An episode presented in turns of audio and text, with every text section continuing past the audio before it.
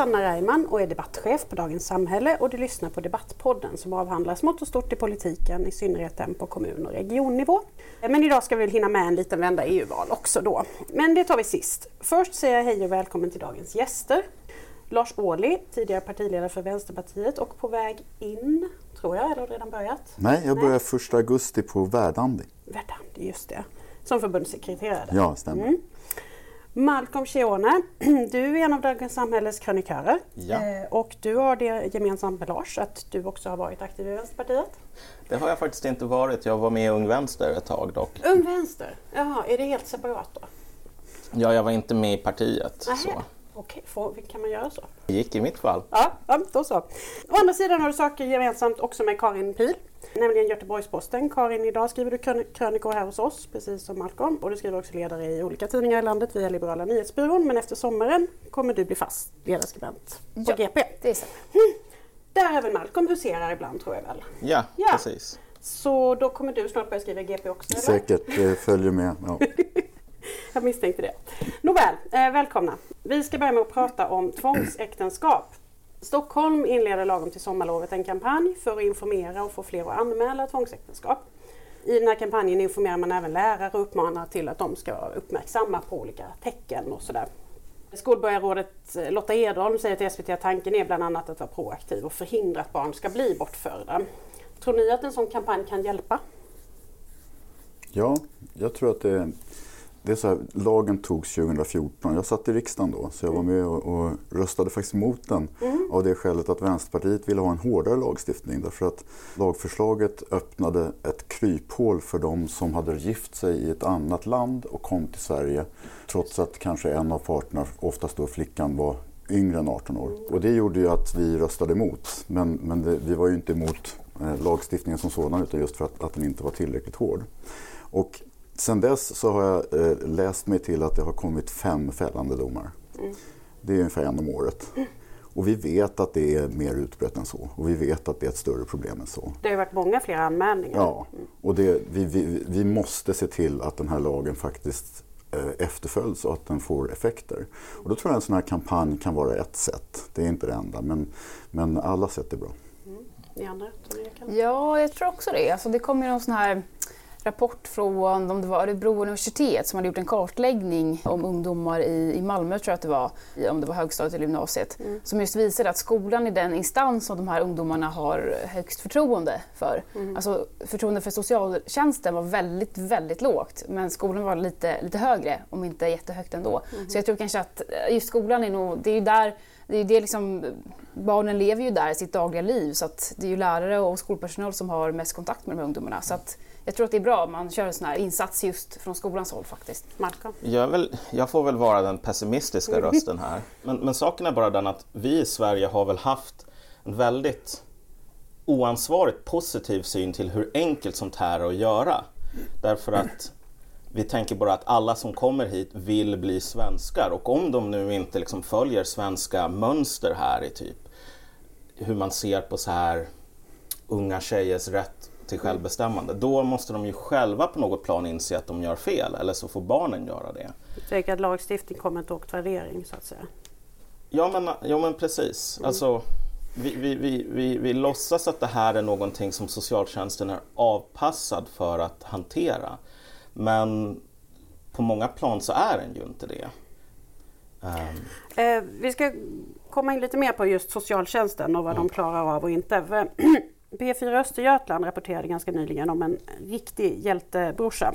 Eh, en pappa hade fört bort hans två systrar, 15 och 20 år, till Irak för att gifta bort den yngsta. Och det hela slutade med att den här brodern då under väldigt dramatiska omständigheter reste ner till Irak, hämtade hem sina syrror under liksom häftiga protester och ständiga mord- mordhot från släkten och så vidare. Och idag har han då fått vårdnaden om sin lilla syster. Och vi ska lyssna lite på enhetschefen på socialtjänsten i Mjölby där detta hände. Vi kunde inte göra så mycket mer än att försöka skapa oss en bild kring om det här var ett bortförande mot, mot deras vilja eller om det inte är det. Och så är det ju i... Det här är ju inte det enda ärendet där det är på, på det här sättet. Utan vi får ju anmälningar om att eh, barn, eller vuxna för den delen, men oftast barn, blir bortförda mot deras vilja. Men vi behöver ju då skapa oss en uppfattning om, om det är så.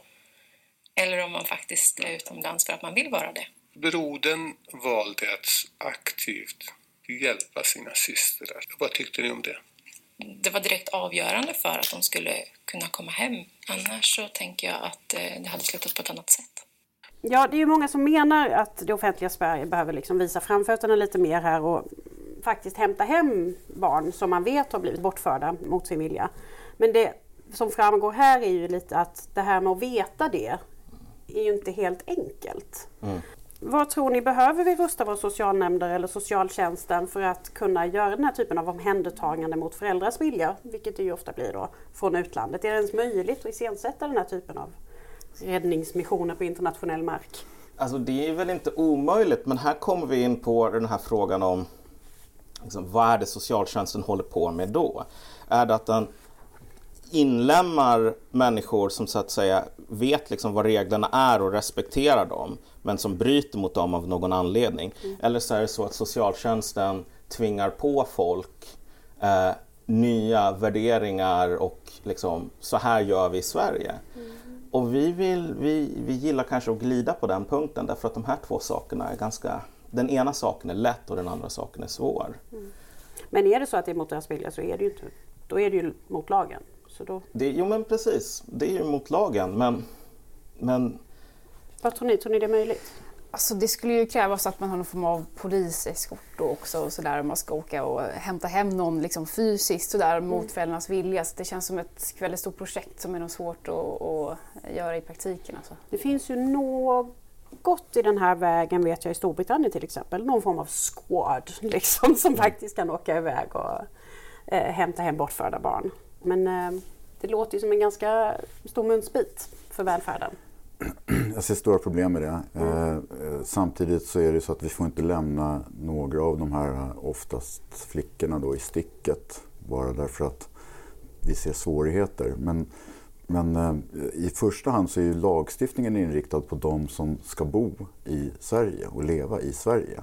Och det tror jag egentligen är rätt också därför att jag skulle kunna tänka mig att de som för bort sina barn för att tvångsgifta dem i eh, ung ålder, de gör inte det för att de barnen sen oftast ska bo kvar i det landet utan de ska ta hit sin man också och leva mm. här i Sverige.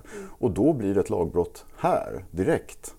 Eh, däremot så är det svårt för Sverige att, att beivra alla brott mot mänskliga rättigheter som försiggår överallt. Mm. Och, och, och, det är där återkommer jag till. De här, den här kampanjen, så där, det, det, är klart att det kanske inte är det största ingreppet för att få fler att lagföras. Men alla sätt är bra, därför jag tror att många känner inte till lagstiftningen överhuvudtaget. Jag tror att många inte ens vet att det är förbjudet i Sverige att ingå äktenskap före 18 års ålder. Jag tror inte att man har klart för sig hur allvarligt samhället ser på det.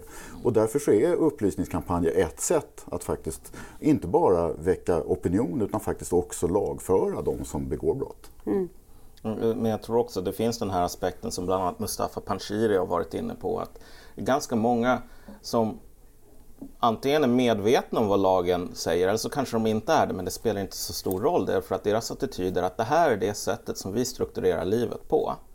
Som man ser till så att klanen, familjen håller ihop. Mm. Vad, har ni för svensk, vad har ni svenskar för rätt att hålla på och inskränka på det? Visst, det står här i lagen, men varför ska jag bry mig? Och då hamnar vi lite grann i ett problem med, okej, okay, men vad, hur ska vi ställa oss till de människorna som säger att jag skiter i det här. Men det gäller väl all lagstiftning. Alltså, det finns människor som struntar i lagstiftning och begår brott. Det kan ju inte vara ett argument för att inte lagstifta eller att inte försöka se till att lagarna följs och beivra brott. Utan en del eh, lagstiftning är mer av opinionsmässig karaktär. Jag kan mm. tänka mig att till exempel lagen mot aga av barn eh, inte har använts så oerhört många gånger, även om den har använts. Men jag tror att väldigt mycket så blev det också en en attitydförändring som följd av lagen. Men faktum är, nu kan jag inte hänvisa exakt, men jag vet att det finns mätningar på det där, att faktum är att den, den lagen så att säga föregicks av en attitydförändring i samhället mm. som så att säga banade väg för den. Och hela anti-auktoritära... Ja, ja. Så att det blev lätt att införa den, vilket kanske är lite tvärtom här, att man har lite, lite mer uppförsbacke rent värderingsmässigt. Ehm, vi har ju gått många vändor tror jag ändå att det är med olika typer av lag och straffskärpningar längs vägen på, mot tvångsäktenskap. Och just nu finns det ju då två brott och det ena är äktenskapstvång och det andra är vilseledande till äktenskapsresa. Och resandet är ju ofta en, en, liksom, en del i det här, att man, man förs ut och sen drabbar det här en. Och därför så har Morgan Johansson funderat ut att han vill skärpa lagen igen. Och en av de sakerna han vill göra är det då att göra det möjligt att dra in pass om man misstänker att ett barn är i riskzonen. Och här hänger det ju lite grann ihop kanske då med en sån här kampanj som, mm. som Lotta Edholm pratar om i Stockholm och sådär. Den misstanken uppstår ju någonstans och det kanske ofta är i socialtjänsten eller i skolan och sen ska det ena leda till det andra och sen ska det fattas ett beslut om att man drar in passet. Vad tror ni om, om det där? För man kan ju också föreställa sig att det kan bli väldigt vaga plötsligt mm. beslut och så får någon inte hänga med familjen på semester eller liknande. Mm. Min invändning spontant är att vi får inte utforma lagstiftning som innebär att misstankegraden är väldigt låg och att det räcker för ganska ingripande ingrepp i människors liv. Mm. Och, och, jag är överhuvudtaget väldigt skeptisk till misstanke som grund för lagföring. Men jag skulle kunna tänka mig att fundera på det här. Alltså, eh, ifall många skulle säga att det här skulle vara ett bra sätt, ett verktyg för att faktiskt komma åt den här typen av brott. Men min spontana invändning är att nej, var försiktig med att trampa den vägen. Vi talar om en väldigt stor, genomför en ganska stor attitydförändring och en förändring i liksom, eh, praktiserad kultur, delar av samhället, speciellt i utanförskapsområdena. Alltså det här har gjorts förut. Förut i Frankrike så talade typ kanske hälften av landet franska, andra hälften talade bretonska, occitanska och liknande och så sa man nu ska de sluta upp med det. Man gick väldigt hårt fram, man typ agade barn i skolan om de talade sitt hemspråk och så vidare. Mm. Sådana där stora förändringar, när de ska göras mot någons vilja, det kräver mer eller mindre eh, väldigt ingripande metodik. Men då har vi ju det här problemet att man gör det i sådana här länder och man kan göra det för att man säger att de här sydlänningarna de måste typ lära sig att veta hut. Men vi vill ju å andra sidan inte säga att det finns några sådana här... Vi vill inte misstänkliggöra grupper. Och vi vill inte säga den här gruppen, folk från Irak, det är de det handlar om. Utan det här är någonting som är att alla i Sverige är svenska medborgare, punkt. Mm. Och sen så har vi ett problem bland vissa svenska medborgare. Med den metoden så kommer du typ aldrig att lyckas. Vi vill, vi vill fixa de här sakerna så att allting blir bra. Men samtidigt så kommer Men, det här att bli... Man, man, kan ju inte peka ut grupper av det enkla skälet att det inte är homogena grupper. Det finns mängder av människor från Irak, mängder av människor som är uppvuxna i kurdisk miljö som hatar hedersproblematiken överhuvudtaget, som hatar hedersvåld, som hatar det sättet att, att behandla barn och ungdomar och, och liksom, eh, inskränka deras frihet. Och de står i främsta ledet för att bekämpa det här. Så att det går inte att liksom göra så. Men vad jag tycker är viktigt när man diskuterar de här frågorna det är att också komma ihåg att vi faktiskt också i Sverige har genomfört den här förändringen en gång i tiden. Mina föräldrars generation var uppvuxna i ett hederssamhälle. Alltså, min mamma hon fick inte bestämma själv hur hon skulle gifta sig. Kan ni tänka er? Hon var född 1929. Och, och, det är klart att det inte kommer att ske på kort tid eller att det kommer att gå väldigt snabbt och så. Men det är självklart att det går att genomföra. Det är jag övertygad om. Ja, alltså jag tänker att det finns en liten fara med just den här synen att det liksom, eh, alla kulturer ungefär är på ja, olika nivåer och sen så strävar alla efter att bli mer och mer mm. progressiva och sådär. Alltså det kan ju vara så, men det är ju ingenting som säger att det, det liksom nödvändigtvis är så. Och jag tänker att en risk i Sverige att det, att det kan bli tvärtom ifall att många grupper, alltså minoriteter, upplever att övriga samhället inte respekterar deras kultur och så vidare, att det då kan bli en alltså, motsatt reaktion, mm. att man håller ännu hårdare på den egna gruppen. Sådär. Så det är ju jättesvårt. Det är ju även såklart att man inte kan dra alla över en kam och, och som du säger. Men, men, man måste ändå kunna göra någon form av mm. analys att det här är mer vanligt förekommande i vissa grupper än bland andra grupper. Och men det problemet har vi också redan. Alltså Jehovas vittnen är en sån grupp som ställer sig utanför samhället vissa delar. Plymouthbröderna är en annan grupp. Det finns, finns ju i det svenska samhället också sedan lång tid tillbaka. Mm, två, och det kommer fler grupper som, som gör det. Så betyder inte det att vi ska ändra metod, tycker jag. Utan det betyder bara att vi ska uppmärksamma problemet mer. Och jag ser ju att ungdomar som är uppvuxna i den typen av miljöer väldigt sällan tycker att det här är en fin idé det här med att, att någon annan ska bestämma vem jag ska gifta mig med. Utan de är uppvuxna i ett svenskt samhälle där det är självklart att man får välja. Och de opponerar sig väldigt ofta. Men de har inte alltid verktygen och metoderna för att göra det. Och det är det vi ska ge dem. Det är det, den möjligheten de ska få. Och en sån här kampanj kan ju vara ett sätt. Två saker kort här. Först en respons på Wally. Och det är ju så här att visst det är inte så att alla irakier är för hederskultur. Det har jag själv och det är nog inte många som påstår. Men däremot om du ska kolla på de som tar med sina barn till Irak för att gifta bort dem med släkten. Du behöver inte du, och, och typ lägga massor med resurser på att övervaka Sverigefinnar för liksom hur, hur ofta det här händer. Det är ett slöseri med resurser. Det är iraker som tar med sina döttrar till Irak. Och om det är problemet, jag menar då får man se på irakerna. Um, och just den där, att säga, jo men Jehovas vittnen då, visar ju lite grann på just det här problemet som jag talade om innan, att vi vill inte riktigt ta i det här. Um, vi vill vara snälla och inte brutala och då innebär det kanske att vi är mindre effektiva än vad vi behöver vara.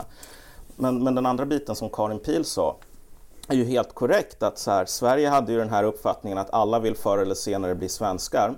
Och då var det ju så att samerna, de var ju inte riktigt som svenskar är mest, så därför så tänkte vi i vår enorma generositet hjälpa dem på vägen genom att typ ta deras barn och sätta dem i så här kristna skolor och liknande. Eh, spöa samiska, samiskheten ur dem. Det var ju också en det var ju motiverat av precis den här att egentligen är alla samma sak och egentligen behöver man inte göra någonting för att alla ska komma dit. Men sen så händer inte det och då får man ge dem lite hjälp på vägen. Så liksom den sortens snälla attityd som har... är chauvinistisk? Ja, exakt. Den har också liksom den här potentialen till att bli ganska öppet auktoritär, brutal den med. Mm. Oavsett, vi ska lyssna på en iraker, själva brorsan i det här lilla dramat som jag berättade om. För han beskriver väldigt fint tycker jag hur han ser på jämställdhet mellan könen. Vi har samma värde. Det, kvinnan, om du, det kvittar om du är kvinna eller man. Du, du har verkligen samma, samma värde alltså. Och eh, vad hon vill med sitt liv så ska jag bara stå där bakom henne. Behöver hon guidning så kommer jag guida henne. Behöver hon hjälp så kommer jag hjälpa henne.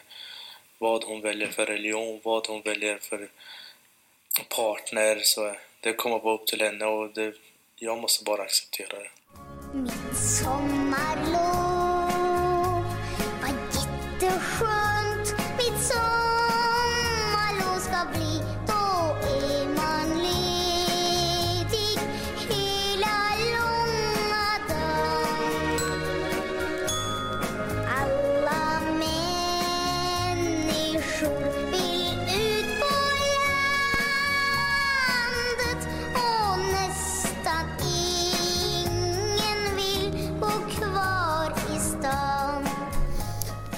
Tidigare i vår blev Annika Johansson, som är enhetschef i Avesta, uppsagd som chef efter att hon hade skänkt bort mat som ändå skulle slängas till de boende på ett hem för ensamkommande som skulle avvecklas i kommunen. Det var helt enkelt mat över och hon gav bort den.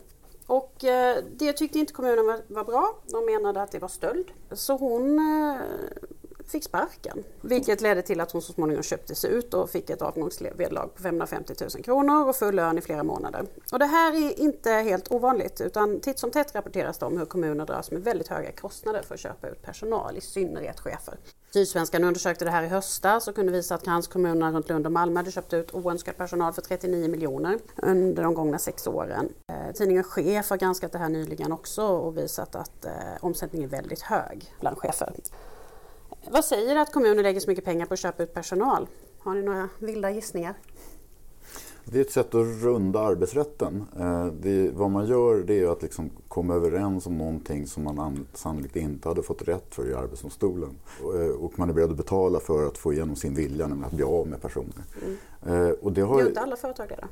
Jo, det är nog fler än på, inom den offentliga mm. sektorn som gör det. Men det är lite mer uppseendeväckande när kommuner och regioner gör det på grund av att, att det faktiskt hör till det offentliga Sverige som har bestämt om den här arbetsrätten. Det hör till det, den sfär som faktiskt ska se till att vara de som kanske följer reglerna allra bäst. Mm. Eh, och så vet vi nog rätt många av oss att så är det ju inte. Statliga företaget är definitivt inte något föredöme och det verkar inte som om kommuner och regioner är det heller. Eh, I det här fallet i Avesta, där är man ju så stelbent så att man, jag häpnar när jag Det märkliga är att alla verkar upprörda över detta. Ja. Jag vet inte, det är jättekonstigt. Fast man anar ju att det måste finnas någonting där under. Ja, det måste finnas någon konflikt i botten som, som, som får sitt utlopp nu plötsligt. Mm. I ett vanliga fall så kanske det i en annan kommun hade lett till att hon hade fått en varning. Men det är lite exceptionellt därför att det, det stora problemet som du är inne på det är ju alla dessa utköp som sker i mängder av kommuner och där det inte finns någon sån här uppenbar felaktig behandling av människor utan att det, det är sannolikt så att man har konflikter som man inte klarar av. Men då måste man ju lösa dem, eller? Ja, men arbetsgivarna kanske är för eh, jag vet inte, de är för oengagerade kanske. Det är ju jobbigt att lösa konflikter. Alltså, det kräver ju att man verkligen eh, anstränger sig från båda parter och så vidare. Och, så jag tror att det mycket väl kan vara så att det helt enkelt är enklare. Man köper bara, sig liksom, problemet. Ja, exakt. Så betala och sen är det klart. Ja. Samtidigt så är väl det här ett tecken på en ganska växande dysfunktion inom det offentliga. Jag tror att dynamiken här är ganska liknande den som Strandhäll är i hett vatten för nu. Mm. Det vill säga att man har de här, vi måste spara pengar mm. på Försäkringskassan. Så hittar man någon som gör det, men sen så blir det för politiskt hett om öronen och då måste man ha ett bondeoffer här. Och jag tror att det är på samma sätt i kommunen att nu ska vi spara pengar på äldrevården. Och sen om du läser vilken som helst nyhetsartikel om de här nya besparingarna. Mm. Bara, vi effektiviserar mm. och vi tänker smartare.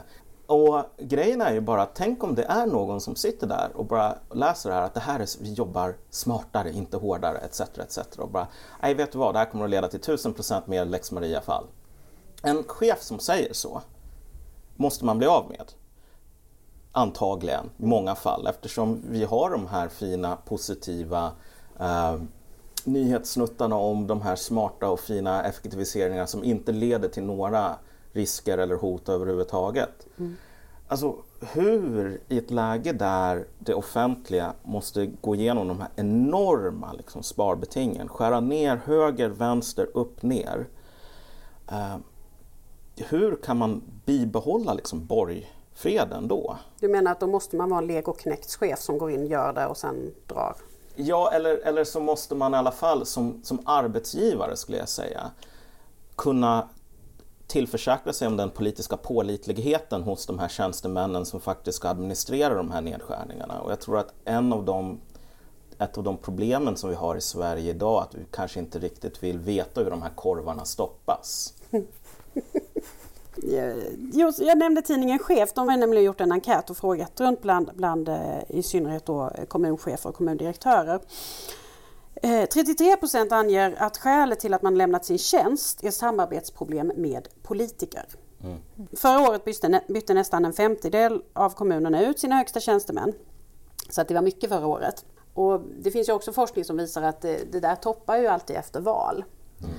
Så att det finns ju en, en, en skärningspunkt här mellan politiken och tjänstemannaskrået som uppenbarligen eh, är knepig och förefaller växa. Och då finns det lite två sätt, tänker jag, att tänka om det här. Eh, och det ena är att politikerna är mer benägna att sätta dit sitt folk på tjänstemannapositionerna än man var förr. Och att det då också blir nästan naturligt att man byter när man, om, om det, makten skiftar. Eh, och det andra är att politikerna inte längre respekterar tjänstemannaprofessionen på samma sätt som förut. Vilket tror ni är rätt? Eller har ni en helt egen teori? Jag tror båda stämmer. Jag tror att det är allvarligt bägge delarna. Därför att Å ena sidan så det, det finns ju tjänstemän som ska vara tillsatta politiskt. Mm. Eh, och, och det, det är viktigt att det finns. Mm. Därför att där, där, finns det rent politiska uppgifter som inte kan hanteras av någon som inte delar de politiska mm. värderingar som styr. Mm. Och där har också politikerna rätt att faktiskt byta folk. Ja. Men vad jag tror är att det har spritt sig till även tjänstemän som faktiskt inte rimligtvis har i uppgift att själva företräda en politik. Mm. Utan som har i uppgift till att förbereda ärenden, till att utreda ärenden, som jobbar enligt kommunallagen, som liksom gör massor med saker som faktiskt inte är partipolitiska. Mm. Och där har man börjat, tycker jag, mig se, eller det här är inget vetenskapligt, men jag tycker mig höra i alla fall från flera håll att det finns en tendens till att man också där vill styra politiskt och sätta in sitt folk. Och det tror jag är farligt. Jag har ett exempel från en eh, kommun i Stockholmstrakten som gjorde sig av med en chef som jag känner. Därför att den chefen solidariserade sig med sina anställda som hade blivit utskällda av en politiker. Och, och, och, då måste man faktiskt ställa politiker till svars. Därför kan inte tjänstemän vara aktivistiska då? Att det är därför det blir... Är de det så är det klart att det är ett problem. Men jag tror att det är ett problem med politiker som blir maktfullkomliga. Det tror jag.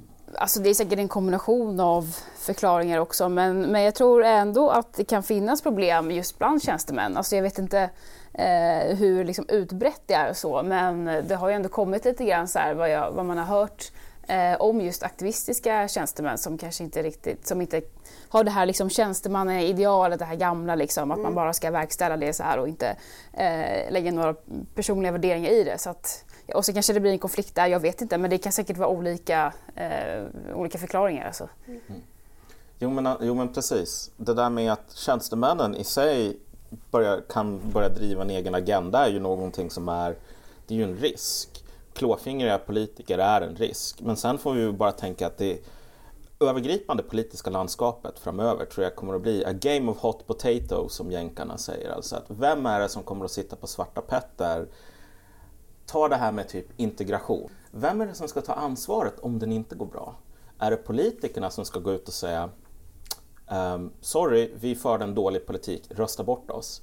Eller så ska man säga så här att det är upp till er tjänstemän att fixa det här för nu har vi lovat att integrationen ska gå bra.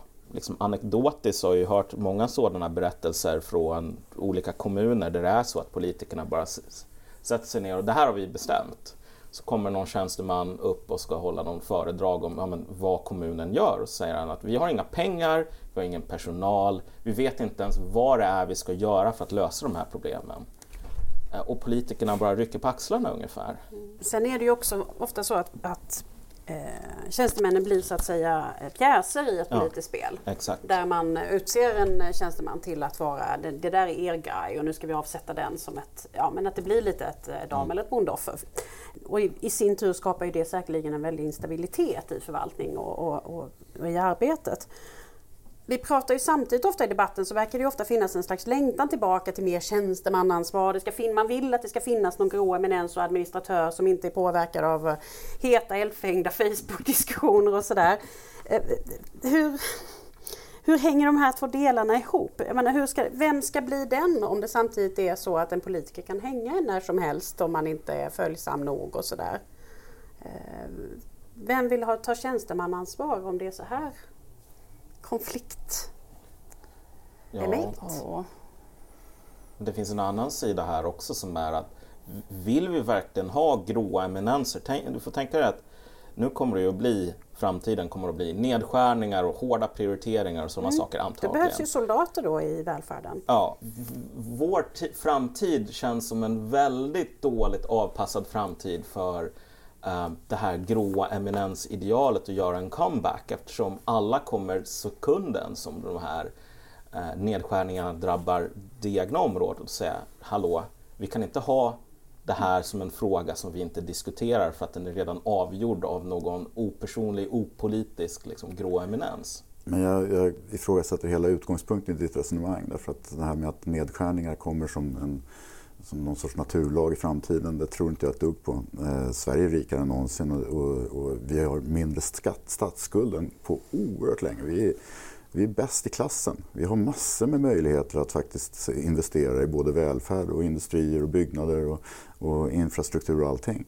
Eh, så det tror jag det är en felaktig utgångspunkt. Men det spelar inte så stor roll tror jag, för diskussionen om tjänstemannaansvaret. Jag har jobbat i olika politiska församlingar, både kommun och i riksdag och känt enorm tilltro till icke politiskt tillsatta tjänstemän. Mm. Enorm duglighet på väldigt många håll.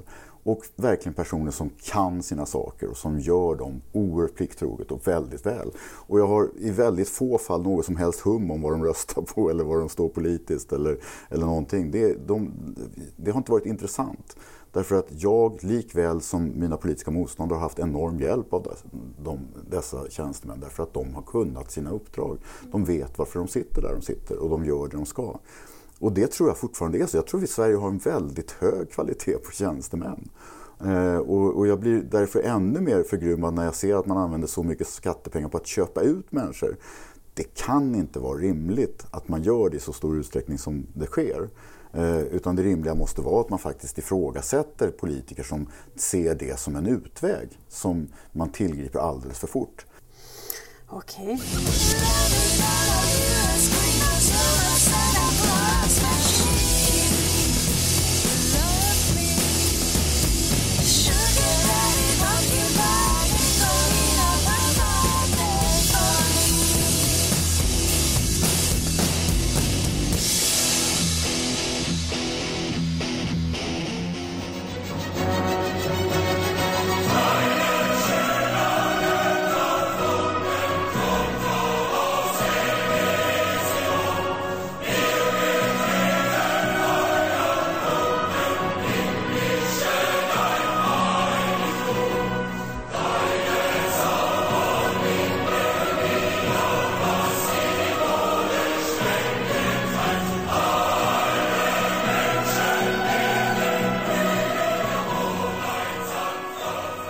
Vi avslutar med att prata lite om EU-valet som ju är över. Eh, det kom och det gick. Vilken insikt lämnar EU-valet er med? Eller åsikt? Karin? Ja, att ingen bryr sig så mycket om EU är väl det man kan slå fast. Ja. Alltså det har ju varit väldigt lite liksom, eh, just diskussion om de relevanta eh, grejerna som EU håller på med. Alltså, ingen diskuterar exempelvis bankunionen, ska Sverige gå med i den eller inte? En jättestor viktig fråga. In, inte någon, vad jag vet, har nämnt den. Eller den här sociala pelaren har man ju gnabbats lite grann om men man har ju inte diskuterat den mer konkret. Eh, så att jag håller med alla som har sagt att det har varit en jättedålig valrörelse. Alltså. Även de här frågorna som handlar om att mm, vi ska påtvinga typ länder som Ungern och Polen ett mer solidariskt flyktingansvar är ju mycket mer inrikespolitiskt positionerande i Sverige än en nykter bedömning av möjligheten att genomföra en sådan politik i EU som det faktiskt funkar. Så att den läxa som man kan dra i Sverige är väl att egentligen försöka ta tempen på det inrikespolitiska läget. Och vi kan väl säga så här att de här försöken att göra det här till ett värderingsval. Vad tycker vi om högerextrema vindar i Europa? Så där. Utifrån, om man är positiv så kan man väl säga att det lyckades, men i så fall är det en riktig pyrrhusseger. Ehm, det är ju de partier som ville göra det här till ett värderingsval har ju det inte gått fantastiskt bra för. Ehm, och den här konservativa blocket som existerar eller inte existerar beroende på vem du frågar gick fram ganska mycket. Många av de EU-frågor som diskuteras i EU-valrörelsen hör inte hemma i EU-parlamentet och det är ett problem. Att man inte har klart för sig att det faktiskt är viktigare med riksdagsvalet i Sverige, hur Sverige kommer förhålla sig till de flesta EU-frågor. Eh, det är viktigare vilka som sitter i EU-nämnden, viktigare vilka som sitter i regering, mm. än vilka som sitter i EU-parlamentet. Eh, så att EU-frågorna eh, e borde ju vara mycket ak mer aktuella i en vanlig valrörelse än vad de är. Och det är väl min avgörande invändning mot EU-valet att det är ett parlament som fortfarande, trots en del fördragsändringar, har väldigt lite att säga till om. De har en vetorätt när det gäller budgeten, de har en medbestämmande på vissa frågor och sådär. Men det är fortfarande så att det är ministerrådet som är viktigaste institutionen och det är kommissionen som har ensamrätt på att lägga förslag. Mm. Att, ja, och det tror jag inte heller kanske folk riktigt har koll på. Alltså nej. att eh, parlamentet inte får liksom, komma med lagförslag som i riksdagen. Mm. Eh, det, det, tror jag faktiskt folk inte vet och det borde ju politikerna då kanske bedriva lite upplysningskampanj och liksom visa hur det faktiskt lägger till. Eh, om vi bortser från favoritpartier och åsikter i möjligaste mån, vilken kandidat tyckte ni gjorde bäst ifrån sig under valrörelsen? Jag tycker Fredrik Federley gjorde väldigt bra valrörelse. Mm. Jag skulle aldrig i mitt liv rösta på honom men jag tycker fan han, han dels så, så hemföll han inte till det här pajkastandet som var lite för vanligt i den här valrörelsen. Mm. Och dels så försökte han faktiskt tala om det som han tyckte var viktigt. I och för sig var väl det kanske en del Han gick en rond mot Sara Skyttedal ändå. ja, gjorde han. Ja. Eh, men jag tycker ändå att han gjorde det på ett, på ett respektfullt sätt. Och han, sen så tycker jag framförallt att han drev frågor som, som man kan lita på att han kommer att stå för. Alltså, och det blev ju mycket värderingsfrågor. Men det är inte så dumt att liksom faktiskt rösta in en politiker, om man nu tycker som Fredrik Federley, mm. så rösta in en politiker som faktiskt eh, eh, tydliggör vilka värderingar som styr hans handlande. Alltså jag är lite besviken på Federley måste jag säga. Alltså jag tycker att han har ju bra bra idé med, med antibiotikaresistens, en jättestor fråga han borde prata mer om och kanske mindre om just det där värderingstramset. Eh. Men jag skulle nog säga att jag är imponerad av eh, Thomas Tobé faktiskt, för han, han körde på sina sakfrågor där. Jag vet inte riktigt hur realistiska de är, men han, han höll ändå på det där med, det var nej till stödligor och sådär och, och hyfsat konkreta grejer i alla fall. Mm. Så jag får nog säga Tobé. Mm. Jag har svårt att bestämma mig för någon favorit faktiskt, måste jag säga. Mm. Så jag, jag, jag, passar på den frågan. Då kan jag ta mig friheten. Jag gillar Helene Fritzon alltså. Det är inte många som gör så jag känner att jag måste liksom dra en lans för henne. Man märker att hon har varit i kommunpolitiken också känner jag. Att hon är sådär lite fyrkantig på ett skönt, apropå tjänstemanna. Mm. Jag kan liksom höra henne säga med lite gäll skånska sådär. Det är inte jag som säger detta utan det är reglerna. så. Det kan vara att det är, jag bara gillar att höra skånska mer i debatten. Jag vet Eh, tycker ni att det var någon skräll i någon bemärkelse? Nej, det är ju skrällen var väl att det inte blev någon skräll kanske. Mm, att Liberalerna fick vara kvar? Ja. Sen är det några partier som är väldigt besvikna och några som är mer glada. Och sen så är det något parti som är glatt fast de borde vara besvikna, framförallt Miljöpartiet. Då. De, de, Tycker du att de borde vara besvikna? Ja, absolut. Ja. Alltså, de har ju halverats nästan. Så I en tid när klimatfrågorna har varit viktigare än någonsin. Ja, och de står och jublar. Och det, det, är typiskt Miljöpartiet. De försöker alltid framstå som att de vinner. Och det är liksom, för mig är det löjeväckande. Ja, vissa anklagade ju, Är galna nog att anklaga Vänsterpartiet för att göra ungefär samma sak, men det kan vi lämna därhän. Men jag tänker bara att det här, miljöfrågorna är viktigare nu än någonsin. Jag tycker att sådana här valresultat är användbara för att de är ju ganska bra indikation på att de faktiskt inte är viktigare än någonsin. Vore de det så skulle väl antagligen Vänster eller Miljöpartiet faktiskt klarat sig mycket bättre än vad de gjorde. Men alltså, den stora skrällen med det här valet var väl att bortsett från alla de, all hype så var det ändå ganska tråkigt i, i termer av att det var inte mycket som hände. Vi fick inte se de här enorma eh, förändringarna åt något håll. Eh, de så kallade högerpopulisterna i Europa gick framåt men de gick inte framåt på det här att nu kommer horderna från Mordor. Ja, miljöpartierna växte lite grann men inte på alla ställen. Och absolut inte det här att, att Greta-hypen nu skulle ge oss en helt ny politiskt landskap. Sådär. Men då tittar du bara på Sverige, för att i andra länder så ser man ändå en tendens tycker jag. Tyskland är det tydligaste exemplet där de gröna aldrig har varit större. Men också i Danmark faktiskt, så, så är ju faktiskt de här frågorna eh, har fått genomslag. Och i Sverige så ser väljarna själva att klimatfrågan ligger bland de tre högsta i alla mätningar jag har sett.